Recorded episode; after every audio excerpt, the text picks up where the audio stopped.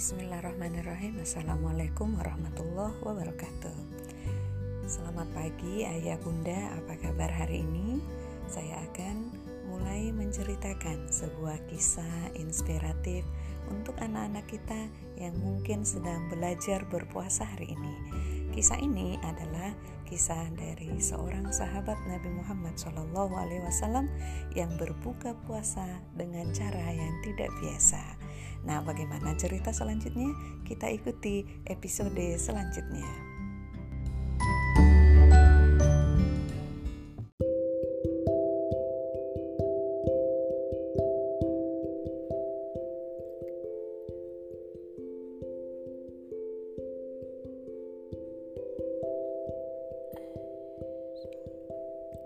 Zaid bin Sabit Al-Ansori sudah menghafal beberapa surah Al-Quran dalam usia 11 tahun. Dia selalu setia menemani Nabi Muhammad SAW dan pada peperangan Hondak dan peperangan lainnya beliau pun turut serta. Sabit sangat terkenal dengan sifat kedermawanannya. Suatu hari, seorang musafir datang berkunjung ke rumah Sabit tanpa sedikit pun bekal yang bisa dimakan untuk berbuka. Saat itu, Zaid bin Sabit pun bingung. Pasalnya, ia mengingat pesan-pesan Nabi tentang sunnah memuliakan tamu. Sayangnya, pada saat itu ekonomi Sabit sedang sulit. Dia hanya memiliki makanan yang sangat terbatas untuk berbuka bersama keluarganya. Selepas ia mempersilahkan masuk orang yang bertandang ke rumahnya itu, Sabit pun berbisik kepada sang istri, "Wah, istriku, apakah ada makanan untuk petang ini?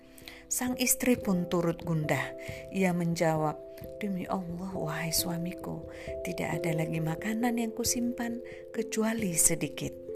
Mendengar jawaban sang istri, Sabit pun terdiam. Sambil memutar otak, akhirnya Sabit menemukan siasat untuk mengatasi hal tersebut. Sabit menyuruh sang istri untuk mematikan semua lampu saat berbuka tiba. Dan pada saat waktu maghrib tiba, sang tamu yang datang ke rumahnya tadi dipersilahkan untuk menyantap hidangan yang serba pas-pasan tersebut. Namun Sabit dan istrinya cuma berkecap-kecap seolah turut bersantap, padahal ujung tangan keduanya sama sekali tidak menyentuh hidangan.